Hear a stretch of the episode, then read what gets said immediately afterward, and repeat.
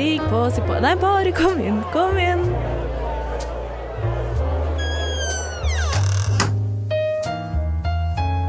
Her i lobbyen er det plass til alle sammen.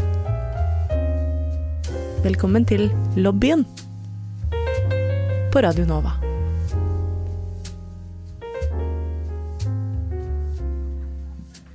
Hallo! Så hyggelig å se dere alle her. Um, vi er to stykker fra to forskjellige programmer her i dag som skal, eh, skal holde en liten livesending for dere. Og vi er fra tekstbehandlingsprogrammet og lobbyen. Ja.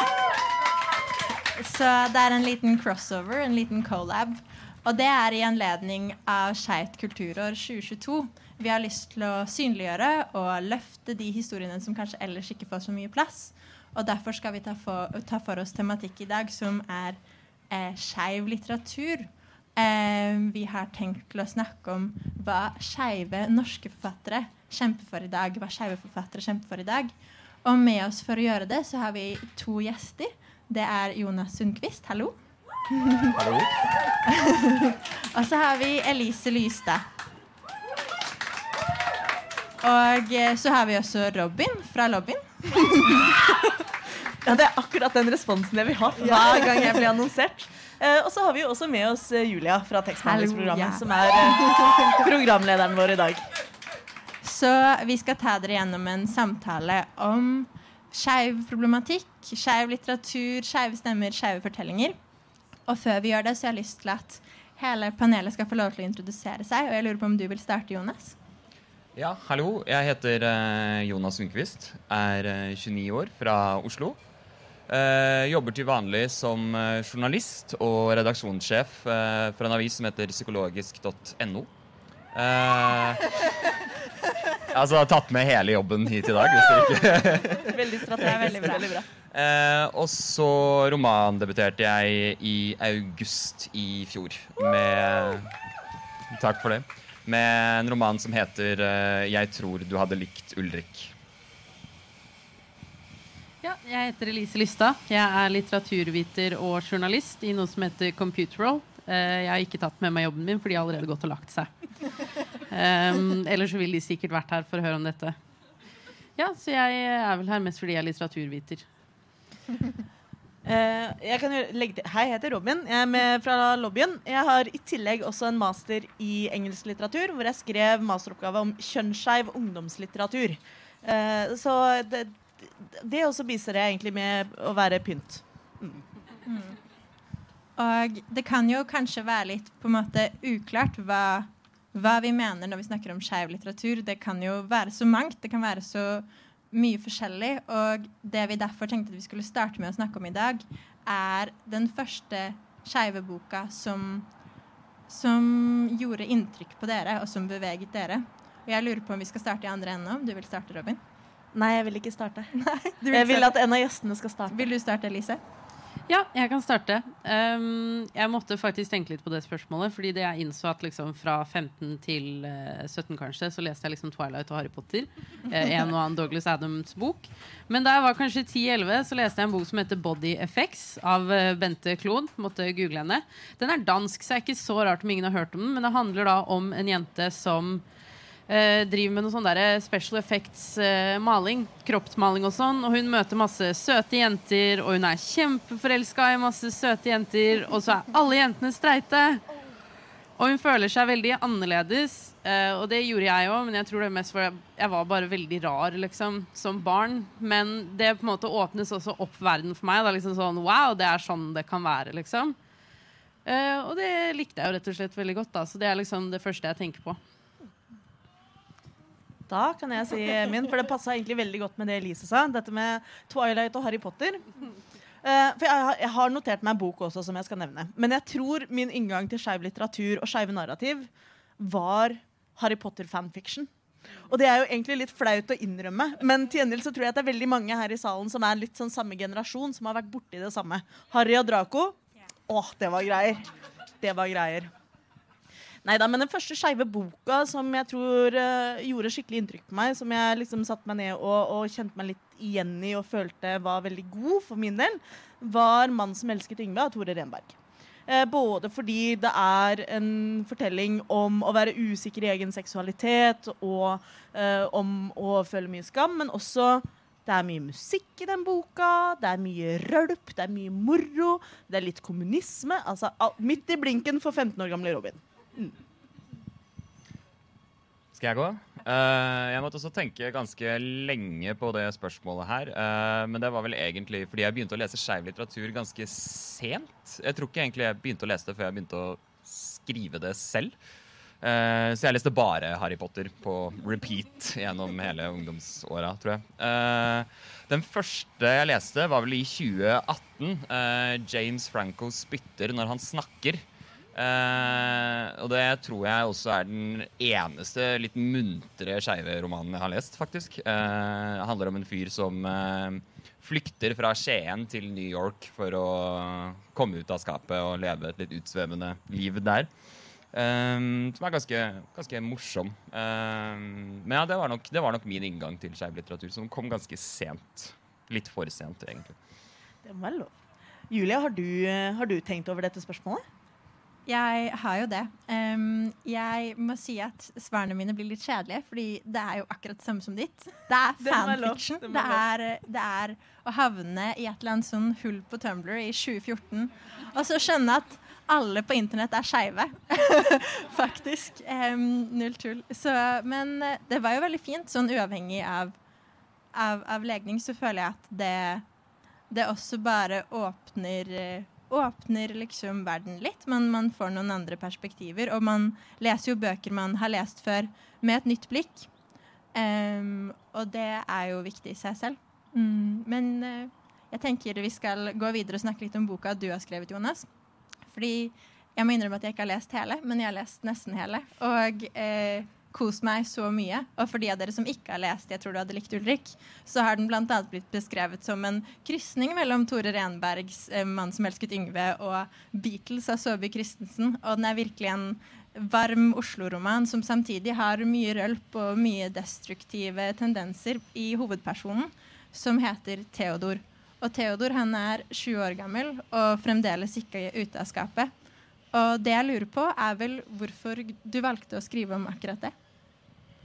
Eh, ja, bare for å nevne dette med rølp, som du var liksom inne på før vi tar det seriøse svaret. Uh, da mormor leste romanen, så uh, kom hun til meg etterpå, så sa hun sånn Det er mye whisky. Og det var, vi har ikke snakket om romanen siden. Eh, men jeg er over til spørsmålet hvorfor jeg valgte å skrive om eh, det å komme ut av skapet i 20-årene. Eh, det er jo på en måte et litt sånn teknisk forfattersvar her, og så er det litt mer sånn personlig svar. Så for å ta det litt tekniske først, så var det liksom fordi jeg trengte å ha en konflikt i historien for at det skulle være en historie, egentlig. Og da er det å komme ut av skapet er en veldig sånn god sånn gullgruve, egentlig, da, fortellermessig. Fordi du har både veldig mye indre konflikt du kan spille på, men også liksom ytre omstendigheter og øh, ja, hvordan det er å tilpasse seg og det ytre og en, en, måte, en ny virkelighet etter at man har kommet ut. da. Eh, så det var på en måte bare for bokas del liksom bra at det var sånn. Eh, men så kom jeg jo ut av skapet i tidlig 20-årene selv, så det var jo noe jeg følte at jeg hadde mye erfaring med. Det var liksom den erfaringen jeg hadde, og det jeg kunne ta med meg i en sånn, i en sånn historie. Da, og se på med et litt ærlig blikk sånn noen år senere. Syns du selv at altså Dette er jo litt sånn ledende spørsmål, men syns du selv at boka er litt mørk? Tidvis, kanskje. Går- går det- ja, det er egentlig ganske Går Jeg var litt det, går det bra med deg, Jonas?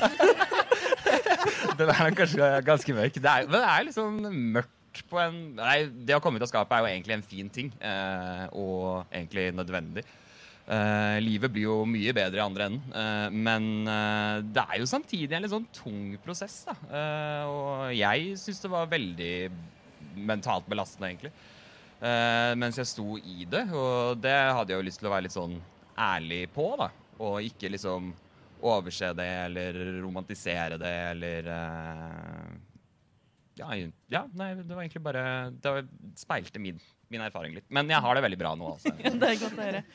Men tror du tror, Dette er jo et ja-nei-spørsmål. Man skal jo ikke stille sånn på radio, men jeg kjører på. Tror du det er vanskeligere å komme ut desto eldre man blir?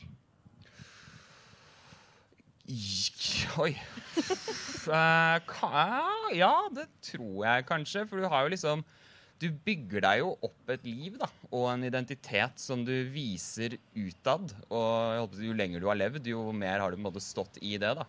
Og så skal du liksom rive ned alt det og komme ut og begynne helt på nytt. Det er kanskje, ja, det er kanskje vanskeligere senere. at uh, Jo eldre man blir, jo mer liksom, komfort blir man kanskje i det livet man har levd fram til da. da. Så ja, Men jeg kan jo egentlig bare snakke ut fra egne erfaringer. sånn sett. Har du noen planer om eh, flere bøker? Ja, jeg driver og jobber med noe. Jeg har ikke helt uh, knekt uh, koden ennå. Uh, men ja, det er noe på gang. Jeg tror liksom problemet mitt nå er at jeg ikke egentlig helt liker karakterene mine i det hele tatt. uh, så det er ikke så hyggelig å liksom gå tilbake og, og skrive om dem. Så jeg må finne på et eller annet der, tror jeg. En ting jeg lurer på med pride. Hva er greia? Alle disse homofile homser som ikke har på seg bukse, som ikke har på seg T-skjorte, Lobbyen bare ei lita truse. på Radio Nova. Hvorfor har de ikke på seg noe klær? Forstår ikke greia med pride. Du forstår ikke greia med pride. Med tanke på at vi på en måte snakker om en karakter som, som er i skapet, så jeg har lyst til å stille alle tre spørsmålet. Um, tenker dere at dette fortsatt er vanskelig og utfordrende? Er det fortsatt mye skam knyttet rundt det å komme ut av skapet? Ja, altså jeg tenkte jo på en ting da du fortalte din historie. Det var jo min historie, er- for jeg er veldig selvopptatt. Men um, det jeg tenkte på, da var at jeg var 13 år, og min beste venninne kysset meg på Jeg vet ikke om det var på kinnet eller på munnen, men jeg ble jo bare helt sånn oh, Jeg er bifil. Altså, det var bare Lyset gikk opp. Eh, Jeg ble jo litt stressa, da, fordi det var jo sånn der, var, jeg måtte jo bare fortelle det til Det var jo viktig da, at jeg skulle liksom komme ut og alt mulig sånn. Og så forteller jeg det til en annen bestevenninne, og hun var litt sånn OK, men har du ikke merket at vi har prøvd å si til deg liksom sånn Det går fint om du liker jenter og sånn. Jeg, sånn, jeg hadde ikke merket det i det hele tatt. Liksom. De visste allerede det. Det var ikke noe hemmelighet, liksom. Men vi hadde også en fyr på ungdomsskolen vår hvor han var ikke klar for å komme ut. Alle mente at han var homo. Og det var ingen som ville liksom legge det fra seg. Så alle var bare sånn Ja, ja, det er han. Han er jo homo. Og han er sånn Jeg er jo ikke homo. Og han var veldig feminin, så alle var sånn «Mhm, OK. Men det sier jo litt om hvordan man blir møtt, da. At liksom sånn det er ingen som går rundt om bare sånn Ah ja, der har vi en heterofil. Altså kanskje vi skeive, men ikke sånn i dagliglivet, da.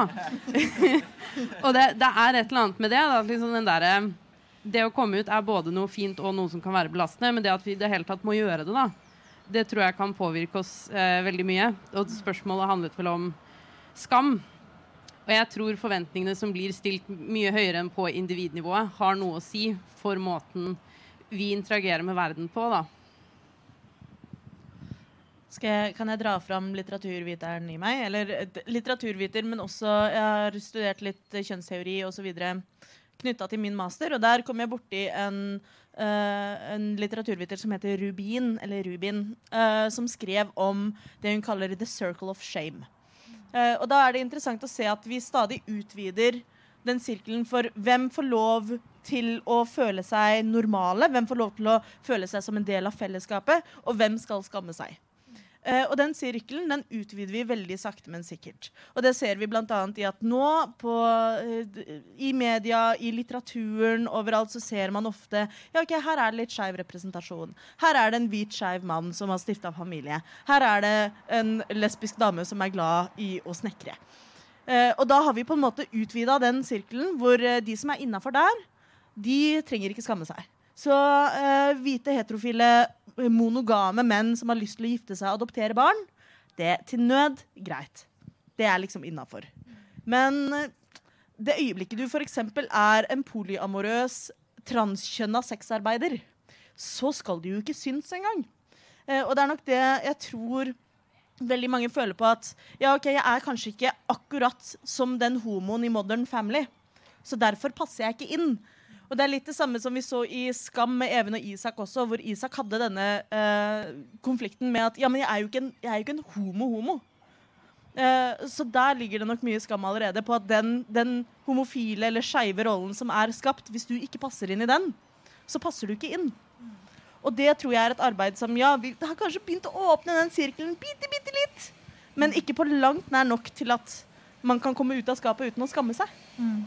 Jeg har uh, lyst til å knytte det poenget der opp til litteratur. Fordi vi har jo snakket litt om, om Robin, at, at man ser jo at den mannlige skeive blir framstilt mer og mer og mer, og hele tiden blitt framstilt i litteraturen. Og um, ja, når uh, homofili ble avkriminalisert for 50 år siden, så var det sex mellom menn. Det sluttet å være forbudt. Men hvor blir det av den ikke-mannlige skeive eh, i litteraturen? Jeg vet ikke om du har noen tanker om det, Lise? Eh, jo, mange. Eh, jeg, jeg tenker jo Det på en måte Det er definitivt som Robin sier, sånn, det blir bedre hele tiden. Det går riktignok veldig sakte, men det gjør jo det. Og jeg ser på det på en måte som en sånn akse mellom inkludering og annerledesgjøring. Da. Fordi du har lyst til å se andre som deg selv. Du har lyst til å bli inkludert og tenke ja, ja, jeg er en del av noe. Men du har ikke lyst til at noen skal stå og peke og si ja, se, se, på, se på han, se på hun. Så annerledes. Sånn skjønner ikke vi, så da må vi lese om det i litteraturen.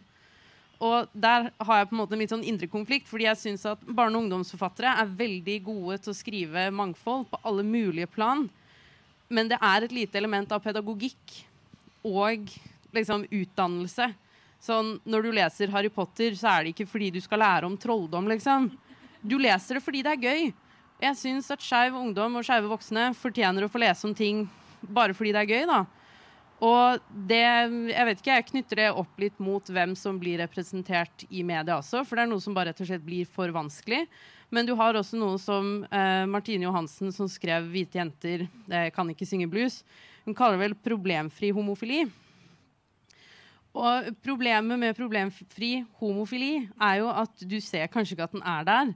Så du har liksom den homolitteraturen med stor H, hvor det er sånn 'Dette er skikkelig homo, kom og les homoboka.' Og så er det noen da som tenker 'Yes! Enda en bok for meg.' Og andre som tenker 'Oi, de er annerledes'. Og så er det de som tenker 'Jeg skriver bøker, og der er det noen som er skeive'. Og jeg syns begge deler er greit, jeg syns begge deler er viktig, men det kan gjøre det vanskelig å gi like mye oppmerksomhet til alt.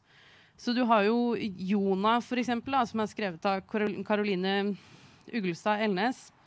Og det handler jo i kjernen om identitet og adopsjon, og så tilfeldigvis så er hun lesbisk. Og det er en kjempegod bok. Veldig sånn drømmeaktig og Murakami-vibes, liksom. Men det er ikke nødvendigvis sånn da at folk får det med seg. At det er skeivt. Og det gjør det litt vanskelig å vite hvor god representasjonen er, når ikke vi på en måte klarer å samle det opp og sånn, da. Uh, og jeg googla jo, håper å si, før jeg kom hit, Uh, topp norsk skeiv litteratur, topp norsk LHBT-litteratur, beste LHBT-bøker, norsk. Og det er så vanskelig å finne liksom, oversikt. da. Og på en side så er jo det fint, fordi folk leser bøker for bøker og ikke for alt annet. Men på den andre siden så gjør det jo at det er vanskelig å si hvor langt har vi kommet, da. Men generelt, liksom. Det er mye mannen som elsket uh, Yngve. Og så er det ikke så mye av resten, da. Um, du ser jo blant annet til at liksom Det å være kjønnsskeiv Jeg vet ikke om jeg vet om på en måte en eneste, i hvert fall norsk roman for voksne. Lyrikk, kanskje. Barnebøker, å ja. Men voksenbøker, liksom.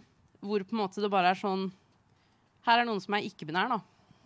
Og så er det bare OK og greit. Og så er det en bok om Faen, jeg kommer til å stryke på eksamen. Jeg vet ikke hva jeg gjør med livet mitt. Og så er det sånn, ja OK. Og så står det hen, da. Hadde det vært så gærent, liksom? Altså, hvis du finner den boka, kan du sende meg melding. For det, Jeg skal gjøre det. jeg er på utkikk etter det samme. Hva tenker du, Jonas? Har du noen tanker? Uh, nei, jeg jo egentlig Jeg føler meg litt sånn skyldig uh, i det her òg, da. Uh, faktisk at jeg liksom bare har bidratt med enda en liksom hvit, velstående mann som kommer ut av skapet. Eh, men eh, jeg har også tenkt veldig mye at vi snakker om skeiv litteratur som en nødvendighet for å liksom utvide mangfoldet, men innad i skeiv litteratur er det jo fortsatt veldig eh, homogent, egentlig. da.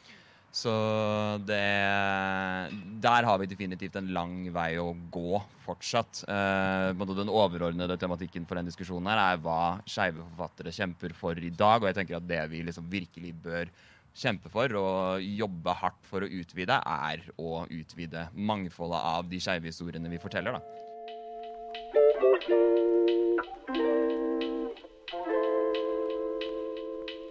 Okay, listen up. This is for the girls and the gays and the theys. So if you're not a girl or gay or they, keep scrolling.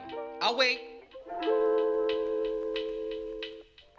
Okay, now that you're here, I hope you guys have a good day. Velkommen til lobbyen på Radio Nova.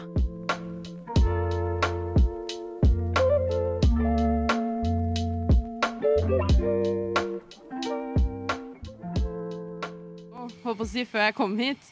Eh, topp norsk skeiv litteratur, topp norsk LHBT-litteratur, beste LHBT-bøker, norsk.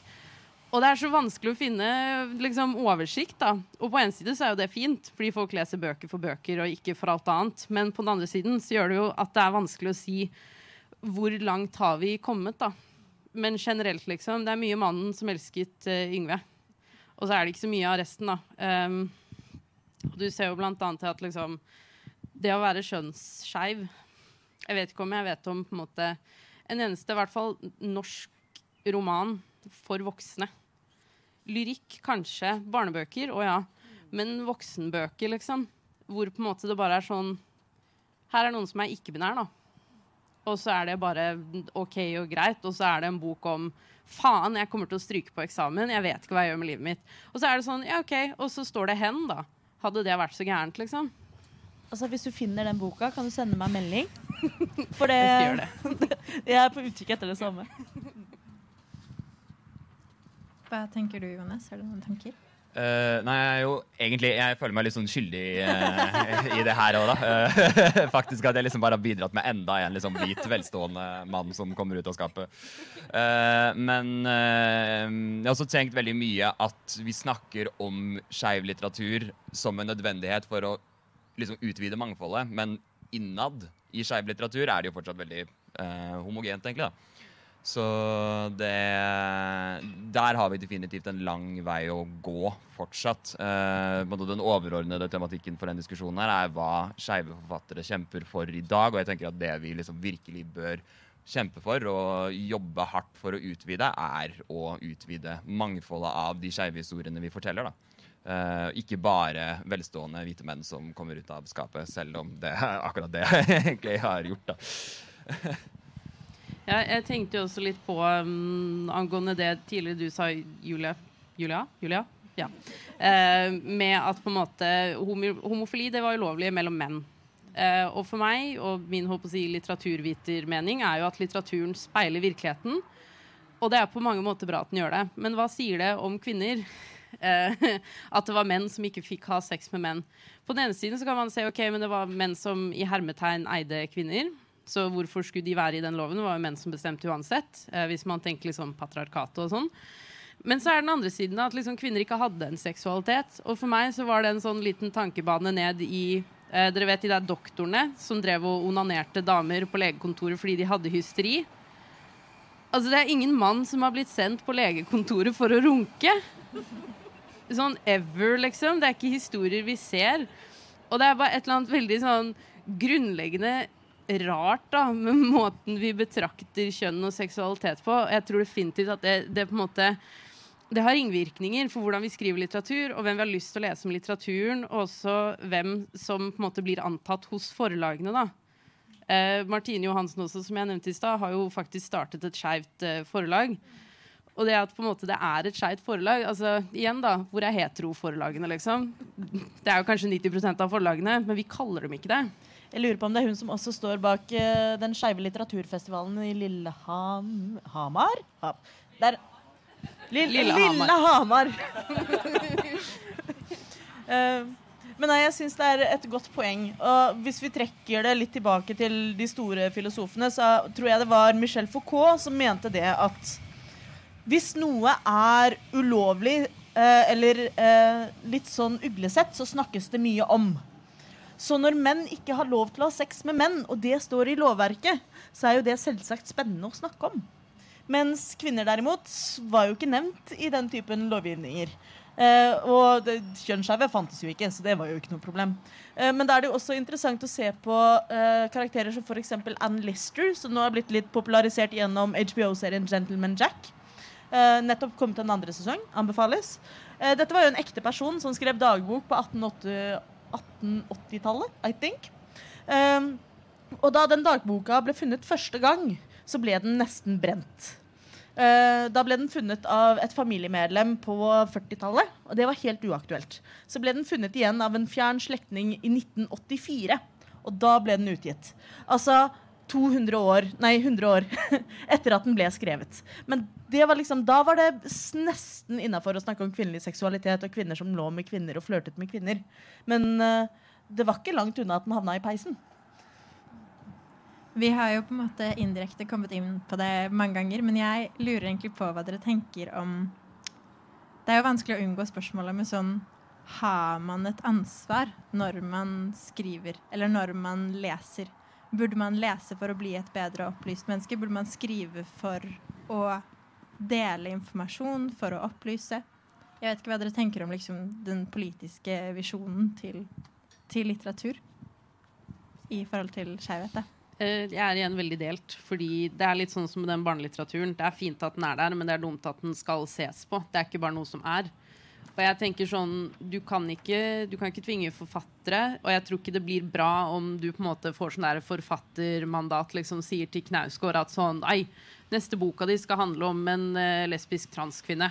Det tror jeg blir dritfett, Knauseren, liksom. Det her, det her har du. Det, jeg, kanskje det hadde vært dritfett, jeg skal pitche det til Knausgård, men uh, det, det er liksom litt vanskelig å se for seg da, at man skal be folk om å skrive, skrive om spesifikke ting, samtidig som at jeg tror at lesere har et visst ansvar. Sånn, hvis du leser litteratur, så gjør du det av tusen forskjellige grunner, og noe av det er bare på en måte eskapisme, sikkert. Bare det å på en måte forsvinne litt inn i din egen verden. Og det er fair, les hva som helst. Men hvis du tror at litteratur har en innvirkning på verden, hvis du tror at det du leser, kan endre verden, da har du et ansvar for å lese forskjellige ting, syns jeg, jeg, jeg tenker, Du trenger ikke lese det engang. Bruk penger på det, bare.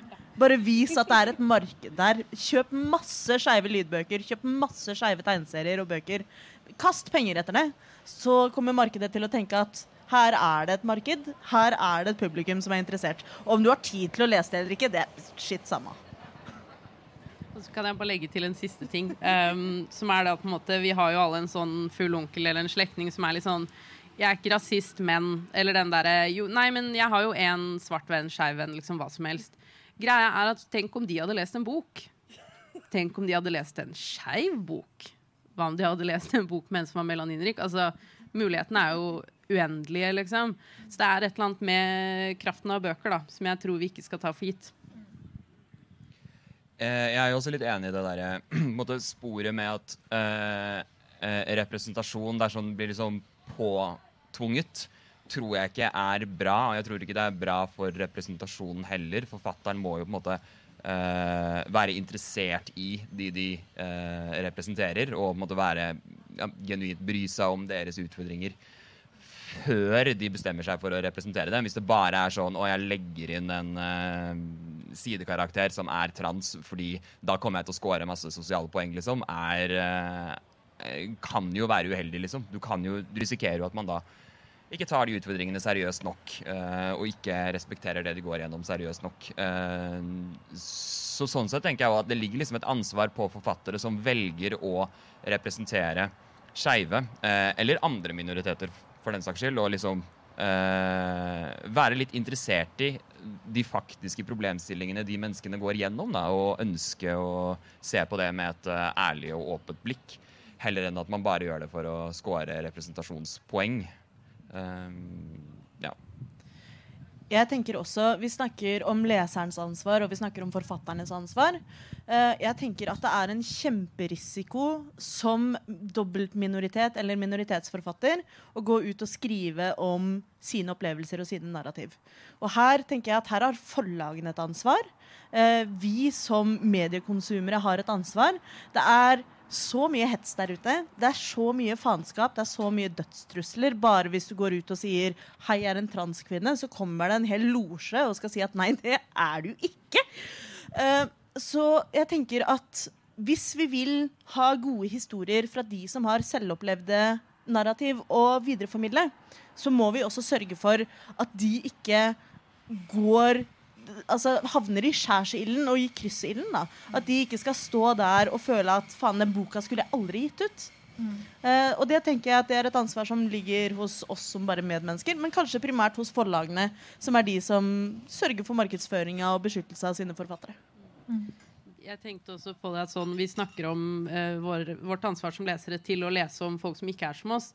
Men tenk så utrolig viktig det er å lese om folk som er som seg selv. Altså, ja, og det er litt sånn sikkert oppbrukt eksempel, men sånn Det er vel en liten svart jente i USA som får et spørsmål om en dukke. da. Hvilke dukker vil hun leke med? Jo, hun vil leke med den hvite dukka. Blir spurt hvorfor. Nei, fordi den svarte dukka er stygg.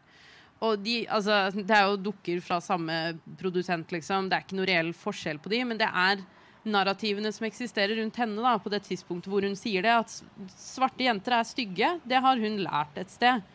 Og det er så viktig at man leser bøker og kjenner seg igjen. En ting er at liksom alle kan kjenne seg igjen i å stryke på eksamen, liksom, men bare det å se at her er det en skeiv karakter som stryker på eksamen, jeg vet ikke. Det er litt som sånn jeg var 17 eller whatever da, og leste om kroppsmaling og alle de streite jentene som hun Lydia eller Nadia eller whatever liksom hadde lyst på. da, tenkte liksom Dette kjenner jeg meg igjen i, liksom, og det var viktig for meg. Ikke bare å forstå andre, men å forstå meg selv, da. Og det, det syns jeg alle fortjener å ha muligheten til, og da må vi jo faktisk ha mange stemmer i litteraturen. Vi kan ikke bare ha den ene prosenten. Hva, apropos stemmer i litteraturen, fordi spørsmålet vårt er på en måte hva forfattere kjemper for. Tenker dere at det er viktig at forfatteren putter seg selv inn i boka? At forfatteren er skeiv? At forfatteren har erfaring med tematikken? Eller opplever dere at det viktige er historiene dere leser? Sånn hva Når dere leser, hva vurderer dere som liksom viktig? Har det noe å si? Forfatteren bak kunsten, på en måte? Jeg tror det Jonas sa i stad, var veldig viktig. Mm. Med at liksom mange kan skrive om ulike temaer, men man må klare å behandle det med respekt og verdighet og forstå problemstillingen.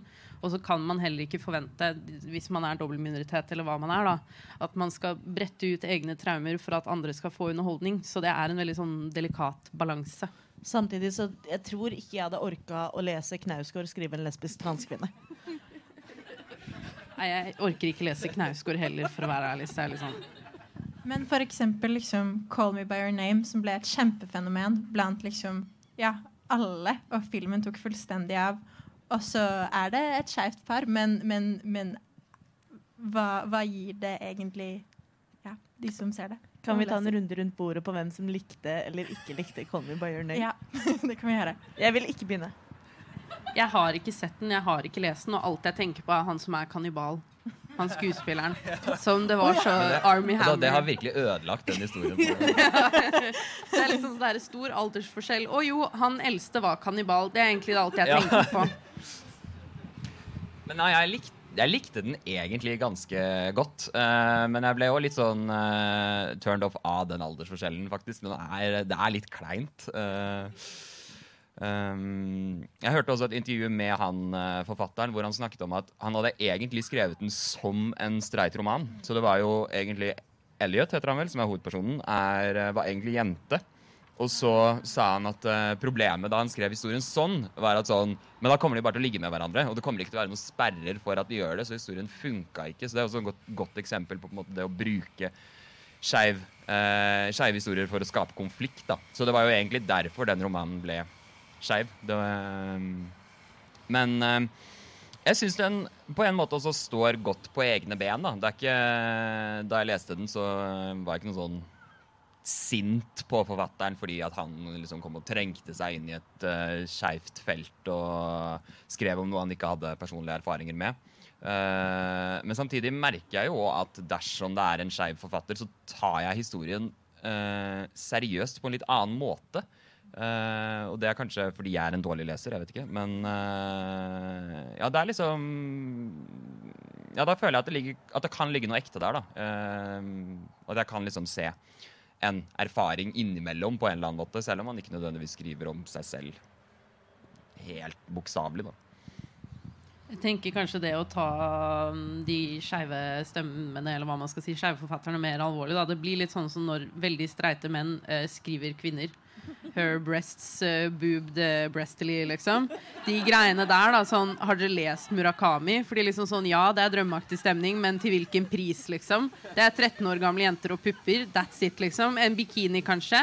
Og hun skal alltid sole seg, og så er det en katt på et eller annet tidspunkt. Og det er sånn Ja, jeg leser det, men det ødelegger opplevelsen at det er noen som så åpenbart ikke helt på en måte sånn forstår halve jordas befolkning, liksom.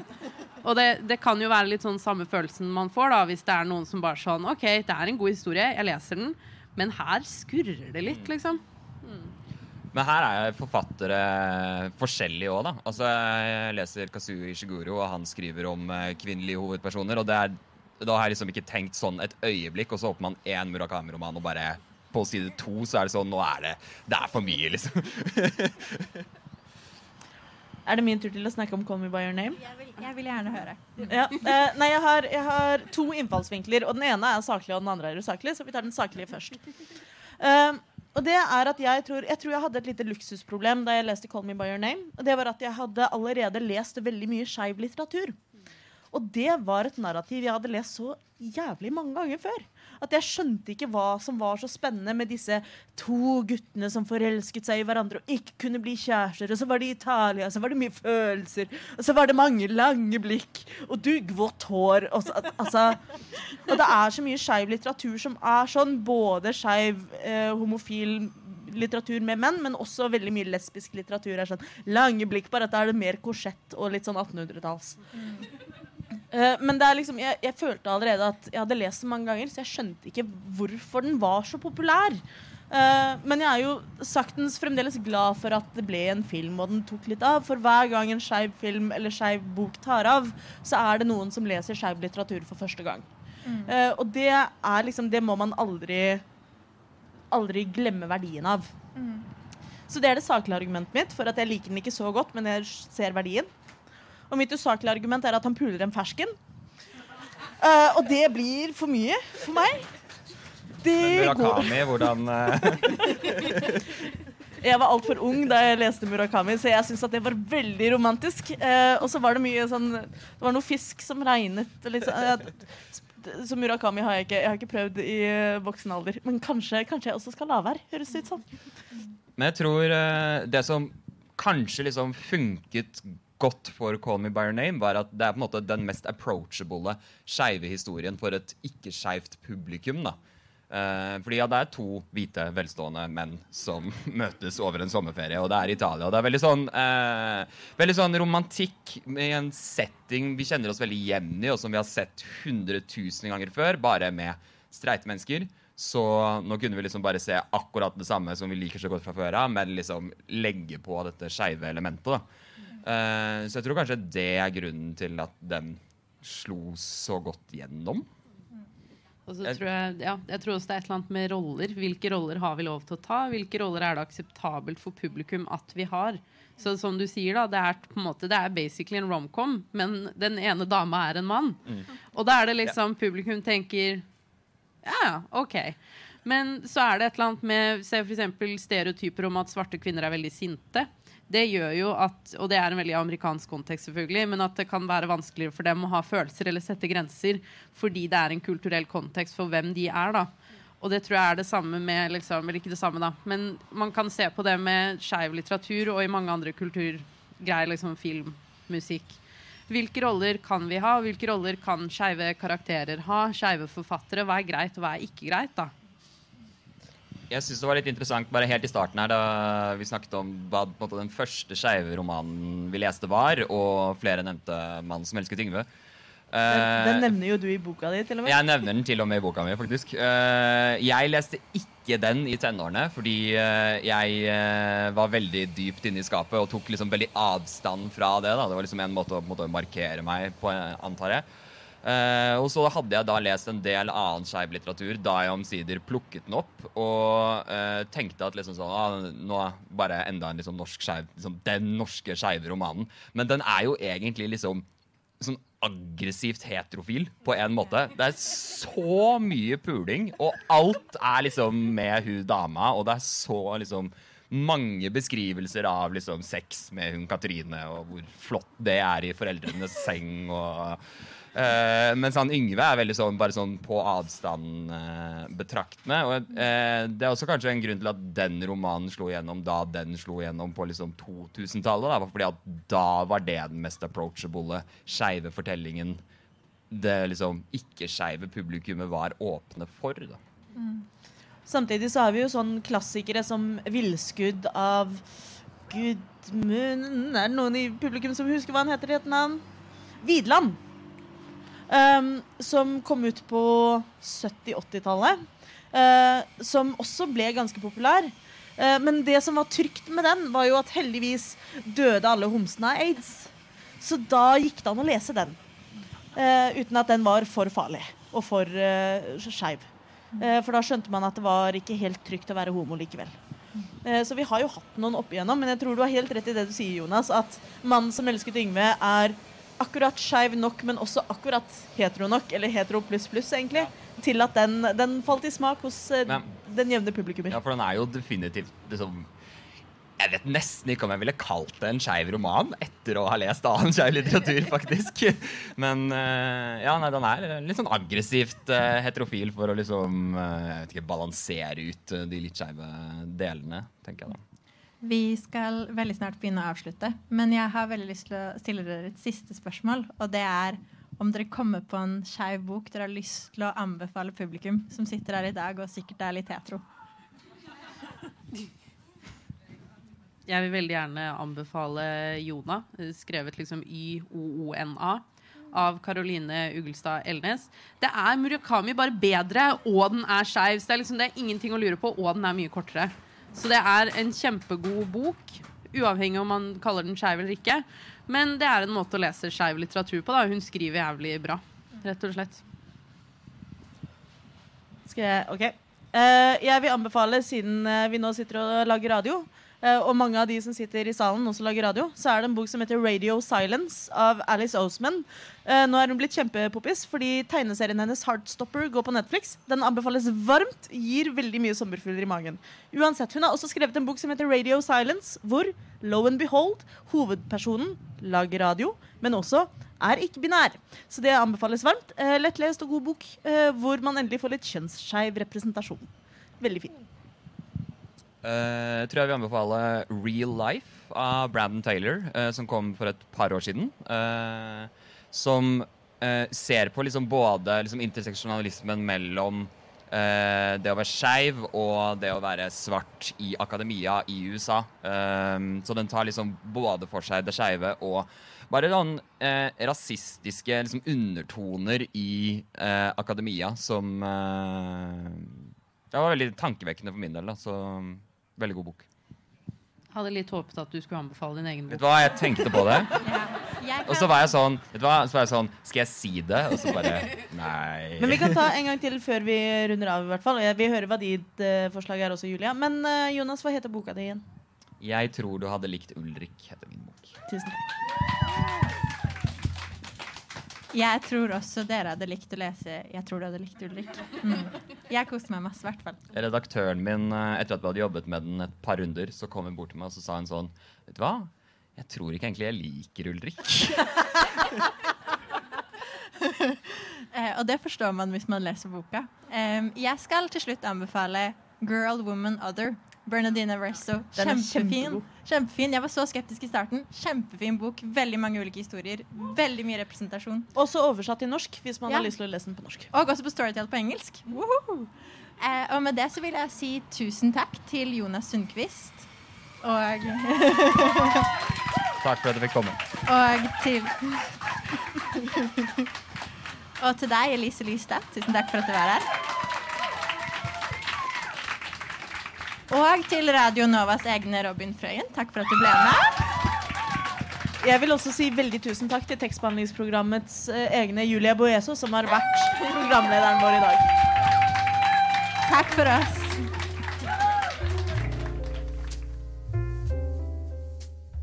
Du har nettopp hørt en podkast av Lobbyen på Radio Nova. Er du interessert i å høre mer? Du finner oss på Lobbyen på Facebook eller på Instagram under lobbyen.nova. Der kan du også sende inn spørsmål eller temaer til fremtidige episoder. Vi slipper episoder hver mandag, og er å finne på lufta på Radio Nova mandager klokken fem.